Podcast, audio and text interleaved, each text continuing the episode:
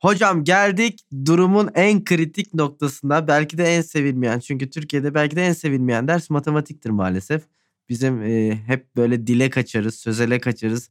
Matematikten mümkün olduğu kadar lisenin baş yıllarında kopmak isteriz. Evet Binomo Kes dinleyicileri bugün Tuncay Turşucu ile beraberiz tekrardan. Geçen bölümde temel analizden bahsetmiştik. Bu sefer teknik analizden bahsedeceğiz. Yani kısacası fiyat hareketlerini nasıl okuruz, nasıl işlem yapmalıyız.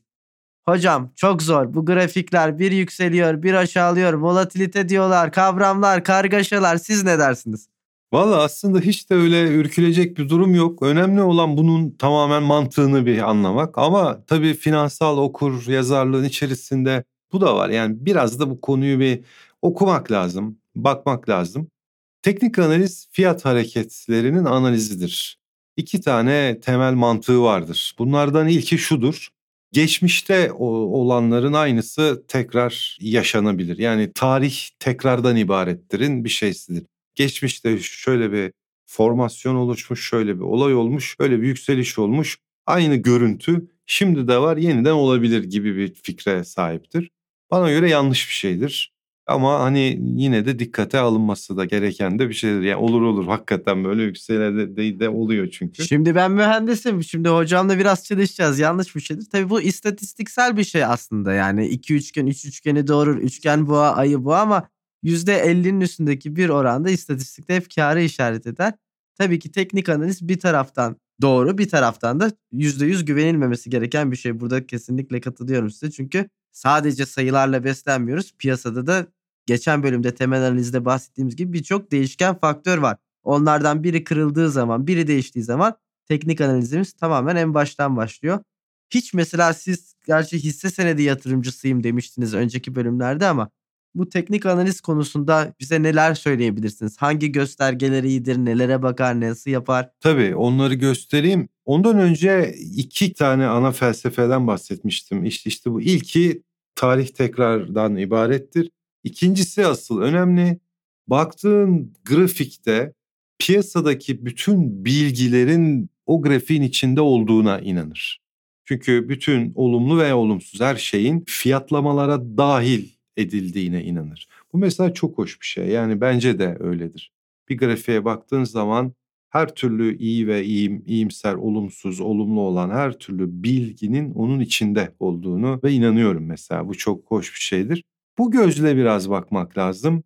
Teknikte bir grafik açarken yani çok böyle kitaba bağımlı olarak aman böyle bir formasyonmuş, sıkışan üçgenmiş, açılan üçgenmiş falan gibi bakmamak lazım bir sürü indikatör var. Valla ne yalan söyleyeyim yani saymadım ama çok fazla var. Açıkçası ben ne kullanıyorum dersen benim kullandığım indikatör sayısı belki de dört tane falandır. O kadar azdır yani. Gerekli olanlar olduğunu düşünüyorum. Ben mesela teknik analizi kullanırken mutlaka hareketli ortalamaları çok kullanırım hareketli ortalamaların ortalamalar yasası vardır bir kere. Bak mesela sen de mühendis adamsın yani. Tabii ki ortalamalar birçok bilgi içinde barındırır hocam doğru. Ortalama 50 günlük hareketli ortalama. Tabii. Bir oradan golden cross çaksak fiyatlar aşağı gitmiş mi falan filan. Tabii ben bunu mesela kendi tecrübemden de paylaşayım. Özellikle forex piyasalarında işlem yaparken çok fazla kullandım.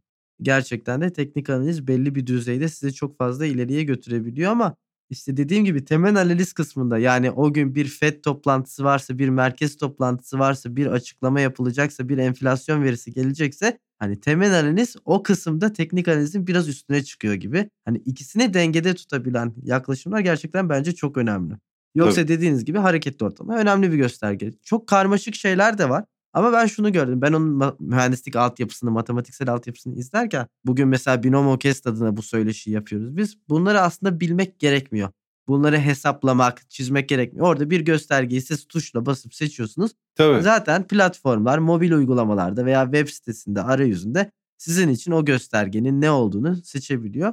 Burada önemli olan herhalde biraz bu konuda kendini eğitmek isteyenler için bu eğitimleri almak. Şimdi bu eğitimlerinde de biz burada gösterge gösterge beşer dakika ayırsak çok uzun olacak ama şöyle bir güzellik de olmuş hocam. Binomo mesela kendi içinde bir şey yapmış. Demo hesap açtırıyor. Mesela siz oraya 100 dolar sanal para koyabiliyorsunuz ve sanal parayla kendiniz oynayabiliyorsunuz. Hani kazancınız da sanal, Kaybınız da sanal ama denemek için ben bunu muhakkak öneriyorum. Bir kişi muhakkak sanal parayla başlayacak. Ne olup ne bittiğini görecek. Sanal parayla başladıktan sonra gerçek para koyabilir ama aynı sanal parada görmeyecek. Çünkü gerçek para olunca işin içine duygular da girecek.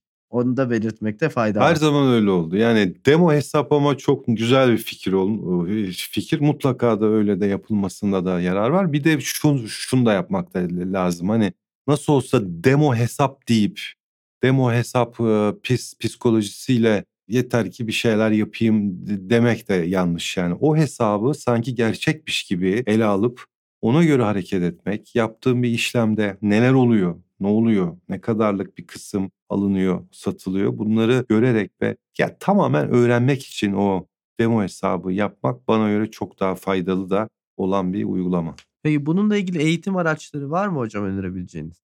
Teknik analiz için mi? Teknik analiz için. Yani bir sürü kitaplar var. Bir sürü bugün yazsanız zaten internete Binomo'da eğitim var mı? Tam var var. Binomo'da da videolu şekilde görsel olarak mesela hangisi nedir? Matematiksel altyapısı var mı diye birçok eğitim araçlarını da içine entegre etmişler. O da çok güzel. Çünkü hani formüllere baktığınız zaman sigmalar, integraller, hareketli ortalama yine nispeten en basit ama hani bir Fibonacci serisinde, bir üstel düzeltme serisini bunları ben mühendis altyapısına sahip olduğum için biliyorum. Yani vatandaşa bunu yaptırtamazsın. Hesap makinesinde falan, Excel'de falan bunları yaptırana kadar o işlem uçar gider ama orada tek tuşa bastığınız zaman çıkıyor. Bir kere yani sen gizli bir işlemci falan mısın da bizim haberimiz yok. Bak bütün saydığın şeyler hepsi var yani sen sanki bu işlerin kurdu falan olmuş gibisin. Ha? Hocam biz de boş değiliz yani yanlış anlamayın soruları soruyoruz ama bir de, bir de cevapları da dinliyoruz. Ya bu konuda okumak önemli. Ben en baş bölümde de söyledim. Mesai önemli bir kazancınız, nakit akışınız varsa bunun belli bir kısmını birikime dönüştürüyorsunuz. Bu birikimi biriktirmek dışında yatırıma dönüştürürseniz ekstradan sizin için kendi kazanç kapılarınızı yaratıyorsunuz. O yüzden teknik analizi takip etmek önemli. Temel analiz de yapmak bence önemli. Ya bu ben kişisel yatırımı çok seven bir insanım. Hani üniversite okurken de onu öğreneyim, bunu öğreneyim, gideyim bir enstrüman öğreneyim, dans öğreneyim derken hani bir yatırım aracı nedir onu da öğreneyim. Ama sanıyorum sen de riski her zaman yönetmeyi istemiş birisi olmuşsun yani. Yani çok çok böyle riskli falan işler yapmamışsın anladım. E, aslında e, bir küçük e, kötü olumsuz deneyimim yaşadı ama hayatta en büyük ders de kayıptır diye bakıyorum. Ben üniversite öğrencisiyken birikimim tümünü hep bunu söylüyorum. E, işte tecrübe, tecrübe en büyük öğretmen. En büyük Katı, öğretmen. acı bir öğretmen ama en büyük öğretmen. O bana bir şeyler öğretti. Yani bunlara konusunda çalışmam gerektiğini, Bunlar konusunda kişi ne kadar kendini ister zeki görsün ister analitik görsün bunların yetmediğini, bunların sürekli bir mesai olduğunu öğrendi. İnadımla bir karakter terbiyesi de gerekiyor çünkü galiba.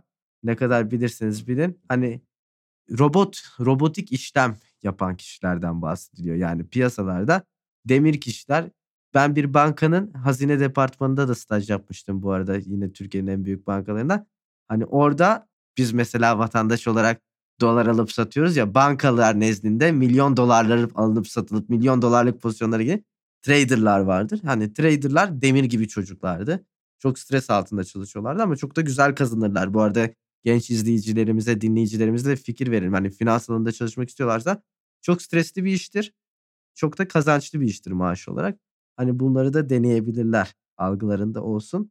E, siz Tek, ne düşünürsünüz bu konuda? Teknik analizde disiplin çok çok önemli. Gerçekten çok önemli. Yani orada çok az bir duygusallık bile yani olduğunda seni asla affetmiyor mesela. O yüzden haklısın, haklısın. Biraz daha böyle duygularından arınmış bir şekilde hareket edeceksin. Yani ya şimdi düştü ama bu buradan şimdi yarın bunu tekrar alırlar yukarı doğru gider falan öyle bir şey yok. Koyduğun desteğin altına iniyorsa iş orada bitmiştir. Orada defteri kapatmakta yarar var. Gerçekten çok ciddi bir disiplin içerisinde de hareket edeceksin. Ama tabii ki risk riskin de her zaman hesap ederek çok fazla yani ayağını yorganına göre uzatma olayı her yer için şey geçerli yani bu olay. Çok böyle boyundan yüksek işler yapmayacaksın. Bak ne diyorsun yani gençken üniversitedeki birikimimi batırdım diyorsun. Şimdi faturası çok ağır olabiliyor bunların bazen. İşte bunlara göre çok böyle dikkat ederek hareket etmek her zaman iyidir. Yani ben öyle diyorum yani iyi ki o zamanlar batırmışım. Hani bu biraz nefis terbiyesi gerekiyor. Yani. Ama yani sen Keşke bayağı iyisin. Sen bayağı iyisin bu konularda. Dikkat ediyorum yani sen e, hani bu konularda kendini çok güzel eğitmişsin. Bu yani sen mesela şu anda finansal okur yazar birisisin. Hatta onun bir adım daha böyle ilerisindesin yani. Onu da açıkça ifade edeyim sana. Tuncay Hocama çok teşekkür ediyorum. Bugün temel analiz ve teknik analiz konularını bitirdik. Biraz finansal teknolojilerden de bahsetmek istiyorum ama süremizin sonuna geldik. Diğer bölüme bırakalım mı hocam? Tabii. Teşekkürler Biramo Kes dinleyicileri bizi dinlediğiniz için. Diğer bölümde biraz finansal teknolojilerden bahsedeceğiz ve diğer işlemlerden bahsedeceğiz. Tuncay Hocam'a da tekrardan değerli bilgileri için teşekkür ediyoruz. Diğer yayında görüşmek üzere. Kendinize iyi bakın.